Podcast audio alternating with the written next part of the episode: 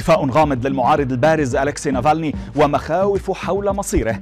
عائلة الزعيم عادل إمام توضح للعربية حقيقة تدهور صحته. نتفليكس تخطط لمسابقة واقعية مستوحاة من لعبة الحبار. أبرز أخبار الساعات الأربع والعشرين الماضية في دقيقتين على العربية بودكاست. من جديد عادت قضية المعارض الروسي ألكسي نافالني لتتصدر حديث وسائل الإعلام وال social media بعدما أفاد أحد كبار مساعدي نافالني بنقله من زنزانته في السجن إلى مكان مجهول وسط مخاوف من فريق دفاعه حول مصيره. محامية نافالني أولغا ميخائيلوف أوضحت لوكالة تاس للأنباء أن سجن بوكروف أعلن أن موكلها لم يعد محتجزا فيه وأنه نقل إلى مجمع إصلاحي خاضع لنظام قاس وشديد الحراسة. فيما كان القضاء الروسي أكد نهاية مايو الماضي الحكم بالسجن تسع سنوات على نافالني بعد إدانته باختلاس تبرعات تسلمتها منظماته وهي اتهامات ينفيها الأخير ويعتبرها مسيسة. ومن خبرنا الروسي السابق إلى جدر القردة ومن كورونا إلى جدر القردة إلى فيروس خطير. هذا ما يعيشه العالم حاليا إذ أعلنت ولاية كونتيكت الأمريكية وفاة مسنة أصيبت بفيروس بواسان النادر بعدما لدغتها حشرة القراد. حشرة القراد لدغتها إذن في حادثة هي الثانية في الولايات المتحدة منذ بداية العام الحالي.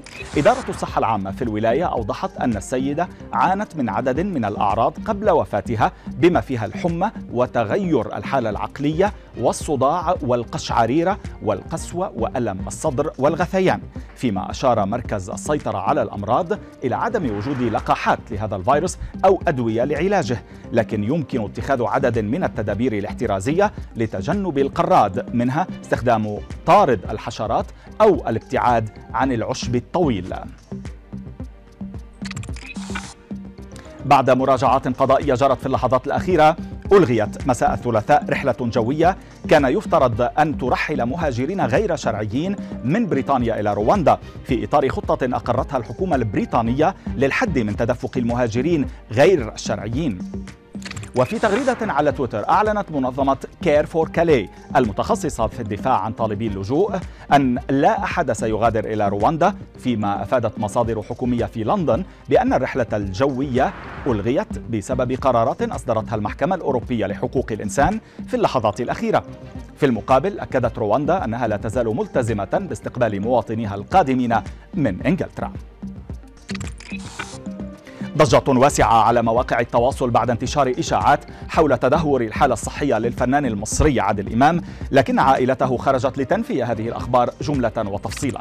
المنتج السينمائي عصام إمام وشقيق الزعيم قال في تصريحات للعربية دوت نت إن كل ما تردد حول خطورة مرض شقيقه أو حول خضوعه لمراحل علاجية لا أساس له من الصحة مضيفا أن الإشاعات حول صحة الزعيم لا تتوقف وأصبحت مزعجة وتثير القلق لدى عائلته ومحبيه فيما أتى توضيح من إمام بعدما انتشرت تدوينة فيسبوك نسبت إليه زعمت أن الفنان عادل إمام يمر بأزمة صحية خطيرة. وفي خبرنا الأخير تخطط شبكة نتفليكس لعمل مسابقة واقعية مستوحاة من المسلسل الكوري الشهير لعبة الحبار تحت اسم لعبة الحبار التحدي.